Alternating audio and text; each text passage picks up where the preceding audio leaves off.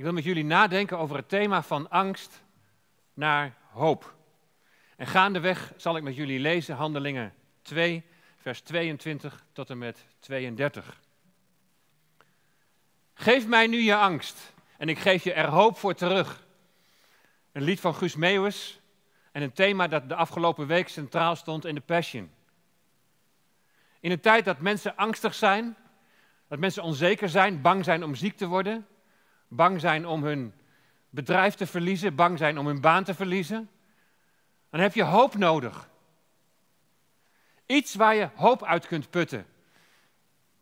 En nu was er een Kamerlid die vroeg aan premier Rutte: zou u ons iets van een lange termijn kunnen schetsen waar we een, iets van hoop uit kunnen halen? Want dat is wat de mensen nodig hebben.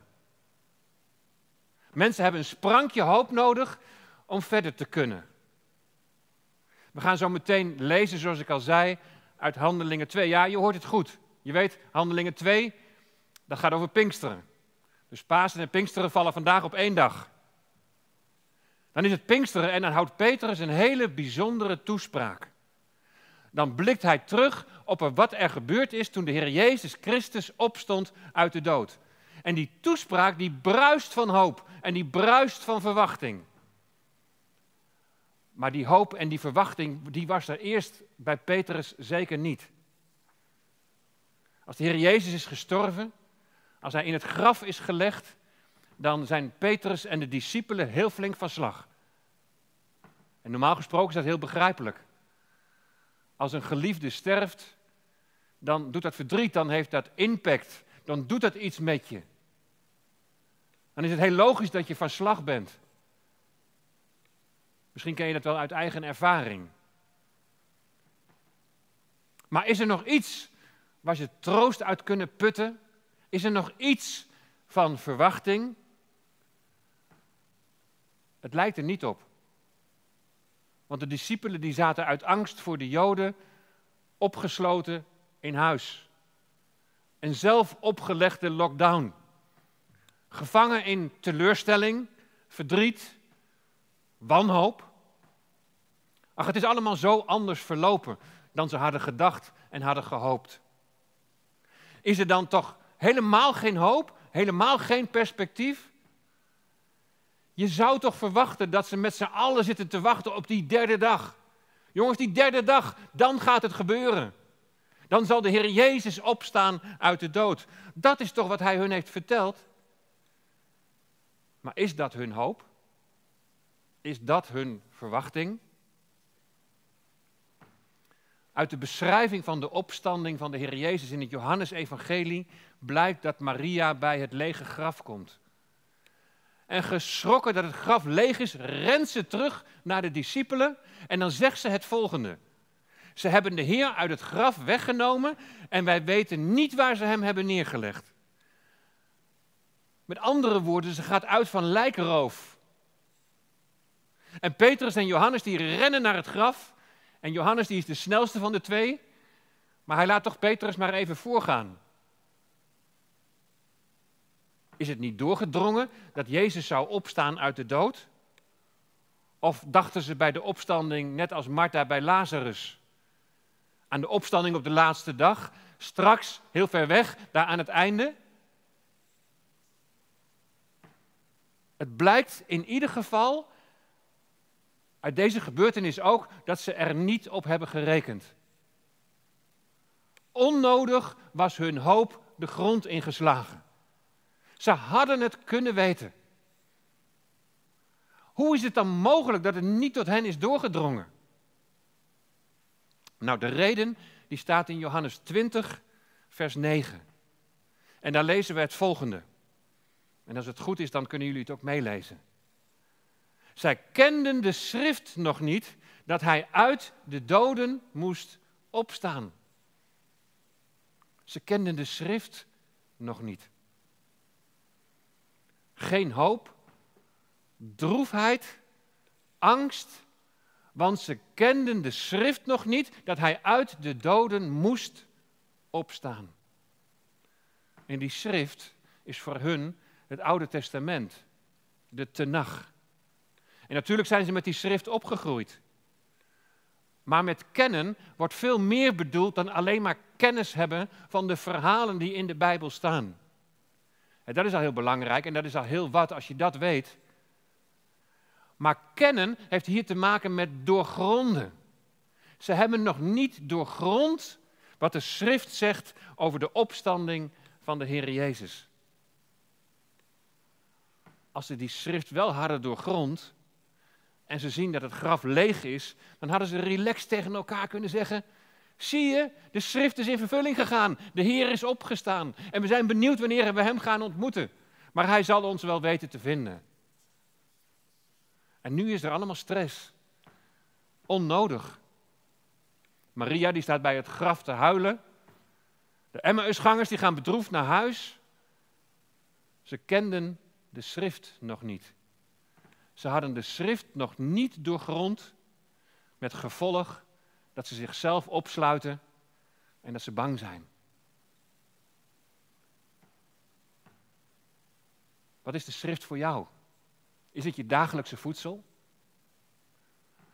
Als ze daar bij elkaar zitten, en je kunt het lezen in Lucas 24, dan staat de Heer Jezus ineens in hun midden. En wat staat er dan in vers 37 van Lucas 24? En ze werden angstig en zeer bevreesd en ze dachten dat het een geest was. Dat ze een geest zagen. Weer blijkt hieruit, uit die angst en vrees, dat ze hem niet hadden verwacht. Maar Jezus zegt, maar waarom zijn jullie nu in verwarring? Dit zijn de woorden die ik tot u sprak toen ik nog bij u was. Dat alles vervuld moest worden wat over mij geschreven staat in de wet van Mozes, in de profeten, en let op, ja ook in de psalmen. Als ze dit hadden geweten en dit hadden verstaan, dan was er geen verwarring geweest. Dan hadden ze hoop gehad. En dat is wat we als mensen nodig hebben. Wat is jouw hoop in bange dagen? Put je hoop uit meevallende intensive care cijfers? Dalende ziekenhuisopnames? Wat is nou jouw hoop te midden van een crisis zoals nu, die we sinds de Tweede Wereldoorlog niet hebben meegemaakt? In vele landen in Afrika zullen ze zeggen: Hebben jullie een crisis? Bij ons is dat the way of life. We weten niet anders. We leven voortdurend in, in, in zulke soort omstandigheden. Wat is hun langetermijn verwachting waar ze hoop uit putten? Het is crisis bij ons. Dat moet je zeggen tegen een vluchteling op Lesbos. Levend in een tentenkamp, hutje mutje bij elkaar, met gebrek aan alles. Waar een humanitaire ramp zich voltrekt als het coronavirus zich verder gaat verspreiden. En dan zeggen wij, ja, wij willen graag weer terug naar onze normale situatie. Want als het bij ons goed gaat, dan kunnen we jullie weer meer geld sturen en aggregaten. Wat is hun lange verwachting waar ze hoop uit kunnen putten? Ja, en welke hoop kun je dan putten uit de schrift? Wat betekent in tijden van crisis Jezus sterven en opstanding? Dan heb je niet genoeg aan alleen maar feitenkennis van de Bijbel. Dan moet je het woord van God moet je doorgronden om te ontdekken waar hoop op is gebaseerd. Ook op het moment als je in zulke verschrikkelijke omstandigheden verkeert, waarmee onze omstandigheden nog niet zijn te vergelijken. Voor het doorgronden van Gods woord heb je geen universitaire studie nodig. Die hebben de discipelen ook niet gehad. Oh, niet, niet dat er iets mis is met het studeren van het woord van God, in tegendeel. Maar er is iets anders nodig, wat je allereerst nodig hebt om dat woord van God te kunnen doorgronden. Zodat het ook echt iets van jezelf wordt. Zodat het echt waarheid wordt in je eigen hart. In Lucas 24 Waar Jezus dus plotseling aan zijn leerlingen verschijnt en ze zich wezenloos schrikken, dan vertelt hij dus dat alles wat in de wet van Mozes en in de profeten en in de psalmen op hem betrekking had, dat dat in vervulling moest gaan. En dan lezen we in vers 45, geweldig vers, Lucas 24, vers 45. Toen opende hij hun verstand, zodat ze de schriften begrepen. Er wordt een bedekking weggenomen. Ik heb hier in de gemeente getuigenissen gehoord van mensen die hun leven lang met de schrift zijn opgevoed. Die de schrift kennen van voren naar achter. Maar bij wie de kennis jarenlang niet tot een doorgronden is gekomen. En in die getuigenissen heb ik ook mogen horen dat God het verstand heeft geopend. Mensen die letterlijk hebben gezegd: Ik heb een nieuwe Bijbel gekregen.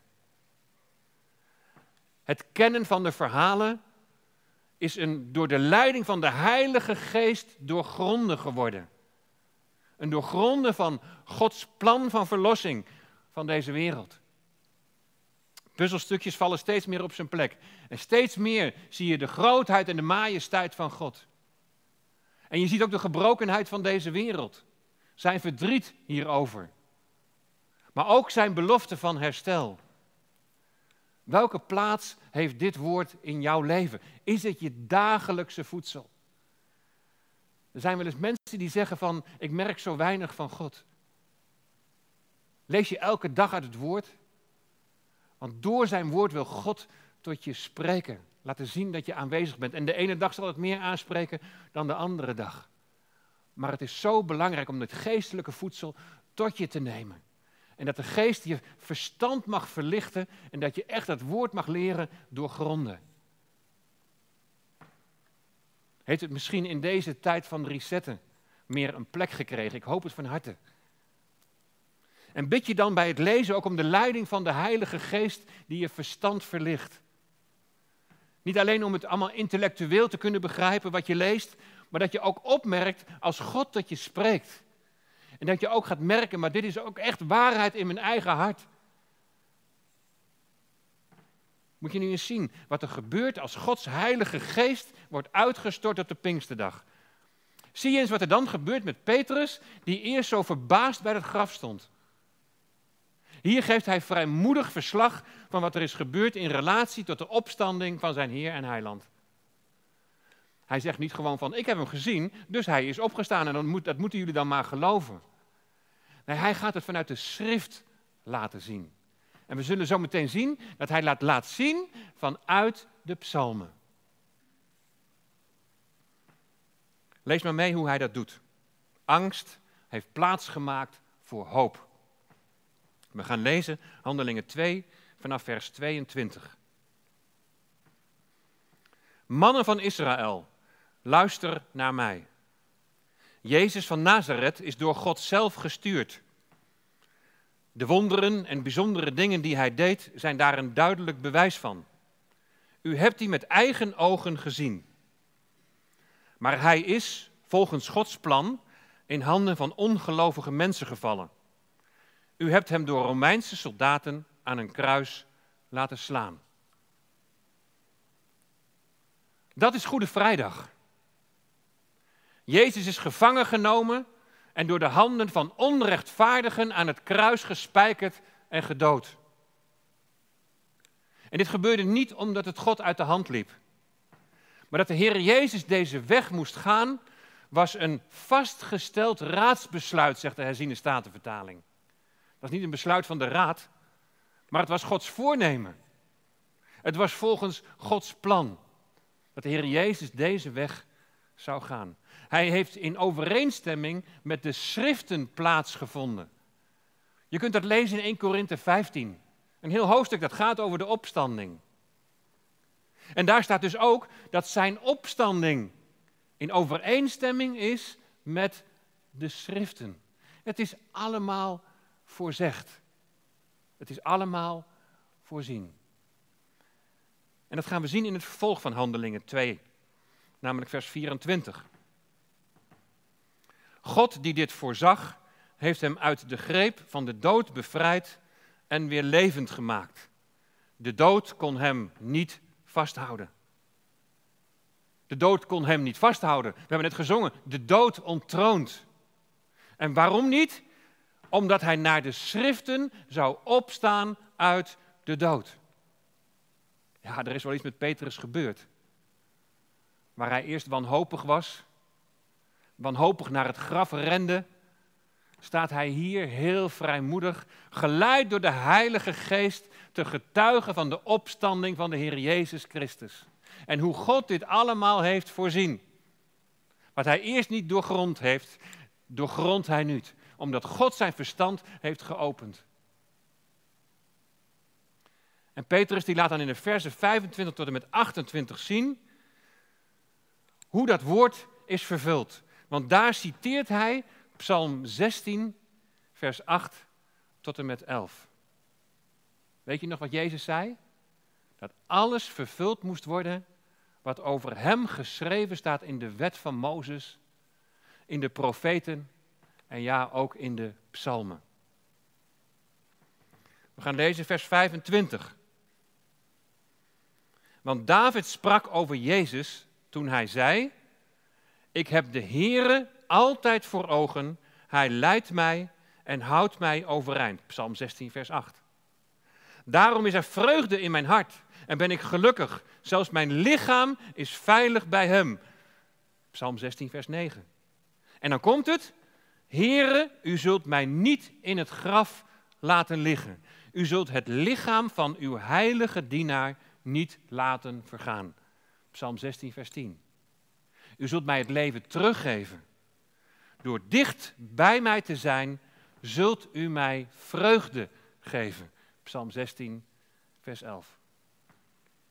Als je verstand wordt geopend, als je bidt om de leiding van de Heilige Geest, dan gaat God je laten zien hoe de Bijbel een geweldige eenheid vormt.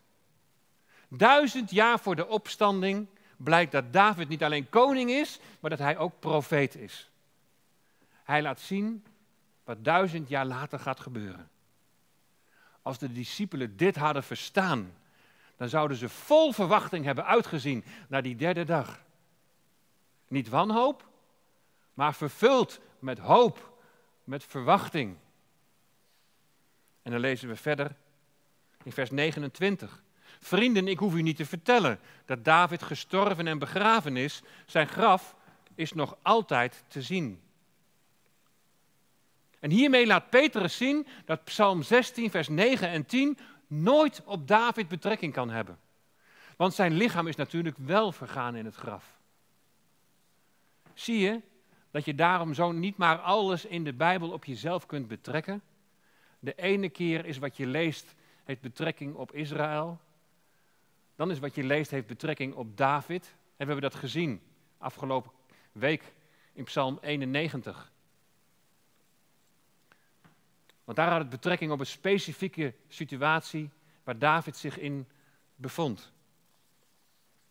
Beloften voor David in een specifieke situatie, en waar je trouwens ook in die Psalm 91 elementen ziet van de Messias. In Psalm 16, vers 9 en 10 is het in ieder geval heel duidelijk dat er wordt verwezen naar de Messias, omdat Petrus in Handelingen 2 daaraan herinnert. Petrus laat vervolgens zien hoe dat in zijn werk gaat. Vanaf vers 30. Maar hij, David, wist wat er na zijn dood zou gebeuren. God had hem beloofd dat een van zijn nakomelingen in zijn plaats koning zou worden. Hij was een profeet en voorspelde dat de Christus uit de dood zou opstaan. De Christus zou niet dood blijven en zijn lichaam zou niet vergaan. Dat is toch bijzonder dat duizend jaar voor Christus God dit laat zien aan David. En de discipelen hadden aanvankelijk niet doorgrond dat het hier over de Messias ging. Als ze dit hadden geweten, dan was wanhoop, dan was verdriet en teleurstelling niet nodig geweest. Vers 32. God heeft Jezus uit de dood laten opstaan en dat hebben wij allemaal gezien. Angst en verdriet is voor Petrus veranderd in hoop en verwachting. Want Jezus leeft. Hoop doordat zijn verstand is geopend en hij zo het woord van God doorgrond. En deze boodschap van hoop heeft Nederland nodig. Deze boodschap van hoop moet klinken in Afrika, op Lesbos, in Jemen. Een boodschap van hoop. Maar stel je nu eens voor dat je midden in zo'n vluchtelingenkamp staat daar op Lesbos, in kamp Moria. Moria, je weet wel, de berg waar Abraham zijn zoon moest offeren. En waar de Heere God een plaatsvervangend offer gaf. Golgotha is een uitloper van Moria. Daar waar de Heer Jezus zijn leven gaf als plaatsvervangend offer. Hij in plaats van jou en mij. Nou heb je toch alvast een mooi aanknopingspunt als je wilt getuigen. Maar als je daar alleen maar staat als leraar en niet als herder, als je geen bewogenheid hebt voor de omstandigheden van deze vluchtelingen, als je niet bereid bent om je handen uit de mouwen te steken, dan is het maar de vraag of je wel gehoor krijgt. En het is zo belangrijk dat mensen luisteren, want het geloof is uit het horen. Creëer je door het leven van Jezus te laten zien, door naar mensen te kijken, door de ogen van de Heer Jezus, creëer je daarmee iets dat mensen het verlangen hebben om te luisteren wat je te vertellen hebt. Zo belangrijk, want je hebt een boodschap van hoop. Ook in moeilijke omstandigheden. Ja, hoe dan? En dan is de vraag, hoe kun je vanuit het woord bemoedigen? Heb je daarvoor het woord van God al doorgrond, dat je weet wat je zou kunnen delen? Je, je zou de brief van Petrus, ja weer Petrus, je zou de brief van Petrus als voorbeeld kunnen nemen, want daar gaat het over het probleem van het lijden. Petrus heeft het over de vuurgloed die tot beproeving dient. En voordat hij daarover begint te schrijven, legt hij eerst uit wat het betekent om in de Heer Jezus Christus te geloven. In een crisis, wel of niet in Hem geloven, dat maakt het grote verschil. Het neemt niet de crisis weg, het neemt de dreiging niet weg, het neemt de gevolgen niet weg, maar er gloort hoop aan de horizon. Ja, hoe dan? Maar kijk maar mee hoe Petrus dat uitlegt.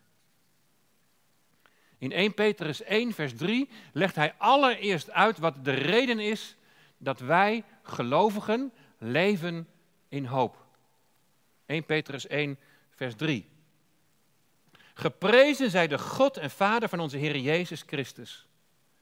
In zijn grote barmhartigheid heeft hij ons opnieuw geboren doen worden door de opstanding van Jezus Christus uit de dood, waardoor wij leven in hoop.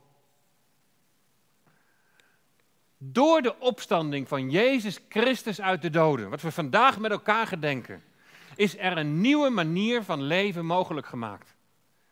Door Jezus sterven is het virus dat zonde is, dat zonde wordt genoemd, is gedood. Door op Hem te zien, door in Hem te geloven, door woord en geest overtuigd dat je verloren lag in zonde en schuld, is je oude zondige natuur weggedaan en begraven zoals de Heer Jezus begraven is. En door Jezus' opstanding uit de dood is nieuw leven aan het licht gebracht. Door op Hem te zien, door in Hem te geloven, deel je in Zijn opstanding en bewerkt de Heilige Geest in jou een nieuwe geboorte. Pasen betekent nieuw leven. En dat betekent veel meer dan dat alleen maar de natuur tot bloei komt en de lammetjes in de wei springen. Innerlijke vernieuwing. Van binnenuit een nieuwe schepping geworden die in gemeenschap met God leeft. Geen afstand meer. Hij heeft woning in je gemaakt. En nog even, nog even los van de omstandigheden waar je in leeft. Dit is waardoor je leeft in hoop.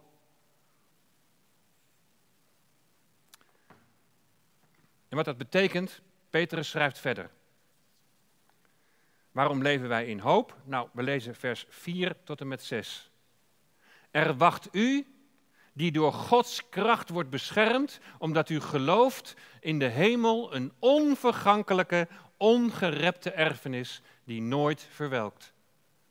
U ziet de redding tegemoet, die aan het einde van de tijd zeker geopenbaard zal worden.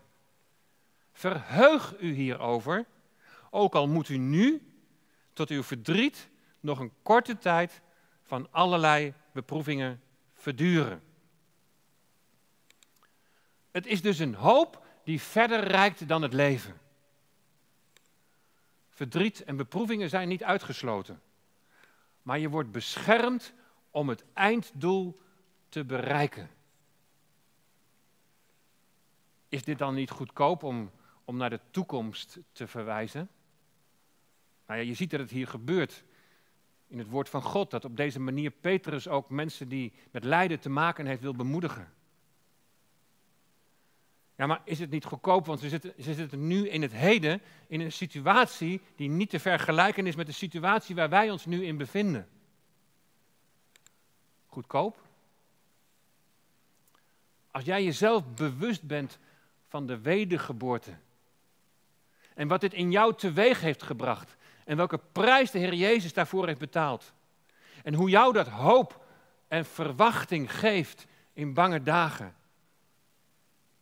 Dan is dat zeker niet goedkoop. Het is het meest kostbare geschenk wat je je voor kunt stellen. En het valt mij steeds weer op hoeveel ik kan leren van gelovigen die in moeilijke situaties zijn. De laatste normale dienst die ik heb meegemaakt, dat was zo'n vijf weken geleden in Deventer. En na de dienst sprak ik een echtpaar uit Nigeria. Wat een verdriet in hun ogen. Wat een getekende gezichten. En ik zei zo tegen hen: Wij hebben geen weet van waar jullie doorheen gegaan zijn en waar jullie op dit moment doorheen gaan. En toen zeiden ze, ze gingen helemaal niet op hun situatie in, maar heel eenvoudig. Wij moeten leren om op God te vertrouwen. En uiteindelijk komt het goed. Een paar jaar geleden was Karin in Sierra Leone bij Mercy Ships, waar je vorige week nog een filmpje van hebt gezien. En mensen staan in lange rijen voor de screening. Drie jonge kinderen stonden daar met nog een paar kleine zwarte tandjes in hun mond. En ze konden die dag niet worden geholpen. En Karin zei van, ik zal voor jullie bidden. Helemaal aan het einde van de screeningsdag stonden de drie kindertjes in één keer voor haar neus. En ze kwamen daar eigenlijk op een plek waar ze op dat moment niet konden komen. En ze zeiden met stralende gezichtjes, je zou nog voor ons bidden. Ja, natuurlijk, zei ze, ik ga voor jullie bidden. En bij iedere regel die ze bad, klonk heel enthousiast door alle drie, amen. En weer de volgende zin, amen. Drie jonge kinderen die de Heer Jezus kennen en die hun vertrouwen op Hem stellen. We hebben armoede gezien in Moldavië. Erbarmelijke omstandigheden. Wonen in een huis dat je eigenlijk helemaal geen huis kunt noemen. Maar dan zeggen ze met een stralend gezicht, maakt niet uit. We hebben straks een huis in de hemel. Zij brengen, zij dus die in moeilijke omstandigheden zijn, die brengen precies in praktijk wat Petrus hier voorhoudt. Hoop die over de grens van dit leven reikt en dat kracht geeft voor vandaag. Geef mij je angst, zegt God. Lichamelijk kan je van alles overkomen. Je leeft in een kwetsbare aardse tent, maar niemand kan je roven uit mijn hand. Geef mij je angst en ik geef er hoop voor terug. Hoop die niet slechts een theoretisch weten is, maar als je het woord in dit opzicht doorgrondt, geleid door Gods geest, dan ontvang je innerlijk rust. En dan is het die hoop dat het beste nog komt. Je houdt vast ten tijde van crisis in je leven. Dat is wat ik tenminste ook leer van juist mensen die zich in crisissituaties bevinden. En wij geven wat van onze overvloed en je probeert zo hier en daar wat te doen. En je ervaart best wel bewogenheid met mensen in die crisis. Maar je kunt niet alle problemen van de wereld oplossen. Ja, wat kun je doen? Ik heb wel vaker gezegd dat de Heer werken voor ons voorbereid heeft. En daarom is gebed zo belangrijk. Heer, laat mij de werken zien die u voor mij hebt voorbereid. Wat ik misschien kan betekenen in deze wereld, wat ik kan betekenen voor mijn naasten. Toen ik vorige week, of toen vorige week dat filmpje werd getoond van Mercy Ships en Douwe die vertelde van het werk van OM op de schepen, toen had ik eigenlijk het volgende willen zeggen, maar ik ben het vergeten. Je kunt geld geven en dat is heel belangrijk. Maar misschien wil God je wel in je hart aanspreken dat jij het verlangen hebt om te gaan. Dat bij jou dat verlangen is om aan boord te gaan en daar tijd voor apart te zetten. Om in landen waar nood is een boodschap van hoop te brengen. Je bent opgestaan, je hebt nieuw leven ontvangen en je bent geroepen om uit te delen van de hoop die in je leeft. In de opstandingskracht van de Heer Jezus Christus.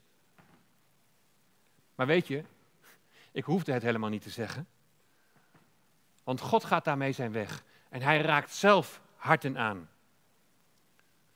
Kijk maar eens mee naar het verlangen van een elfjarig meisje uit onze gemeente. Vienna Simonsen. Hoi, ik ben Vienna en ik ben 11 jaar. Ik zou wat willen vertellen over vorige week zondag. Vorige week zondag zaten we namelijk met heel het gezin op de bank en keken we naar de preek van Berpoor. Er kwam toen een stukje uh, film over uh, mercy ships. En dat leek me echt super gaaf om later te doen. Want ik zou later graag iets met dokters willen doen. Want mijn hobby is namelijk ook mensen helpen en mensen ontmoeten. Met mensen ontmoeten bedoel ik meer van um, nieuw contact hebben, nieuwe vrienden. Uh, bijvoorbeeld vanwege kampen of andere dingen mensen weer uh, ontmoeten. En dat vind ik dus echt super gaaf om te doen. En ik zou later ook iets met ja, in een ziekenhuis of zo werken. En toen zag ik dat, dat uh, je mensen kan helpen die uh, geen geld hebben of ja, het moeilijk hebben in hun land. En dat ze daar dan heen varen op een hele grote boot. En dan gaan ze allemaal mensen behandelen. En dat leek me heel gaaf. En het was ook wel grappig, want ik had op mijn uh, kamer een blad liggen met deze tekst erop. Ik heb een mooie plannen voor jou. Plannen vol vrede, niet vol ellende. Want ik heb hoopvolle toekomst voor jou. Dan zul je naar mij toekomen en tot mij bidden. En ik zal naar jou luisteren. Je zult mij zoeken en mij ook vinden. Als je met heel je hart naar mij verlangt. Ik zal mij door jou laten vinden, zegt God. Dat staat in Jeremia 29, vers 11 tot en met 13. En toen eh, dacht ik daaraan van die toekomst. Ik hoop dat dat mijn toekomst is. En dat ik daar ook meer over God ga leren. En um, ja, dat lijkt me dus heel gaaf. Nou ja, dit was het dan. Doeg! Is dit niet prachtig? Wat puur, wat echt en wat een prachtig verlangen. Aan wie ga jij hoop uitdelen? Opdat mensen bevrijd mogen worden uit angst en onzekerheid. Doorgrond het woord. Laat het tot je dagelijkse voedsel zijn. En laat God tot je spreken. Opdat je niet onnodig angstig bent en onnodig bang bent. Maar dat Hij die angst en die onzekerheid en, die, en het bang zijn mag omkeren in hoop. In een hoop die voor ons ligt en waar we ons naar mogen uitstrekken. Wetende dat Zijn hand op ons is. Zijn hand is ook op jou. Halleluja, Jezus Christus leeft. Nu Hij het graf verlaten en de dood ontwapend heeft, zal Hij voor eeuwig heersen. Jezus leeft. Zullen we samen bidden? We aanbidden U, Heer Jezus, om wie U bent, de opgestane Heer we danken u voor deze boodschap van hoop. Hoop die niet afhankelijk is van omstandigheden, maar hoop die reikt over de grens van de dood heen. We bidden om geopende deuren, om die boodschap van hoop te kunnen delen. Opdat mensen bevrijd zullen worden uit angst en onzekerheid. Heer, we dragen de situatie in Griekenland aan u op. Wilt u deze kwetsbare mensen beschermen? Heer, we bidden ook voor de vluchtelingen in eigen land. Hier wilt u hen omringen met uw genade, met uw liefde. En dat ze dit ook heel bijzonder mogen ervaren.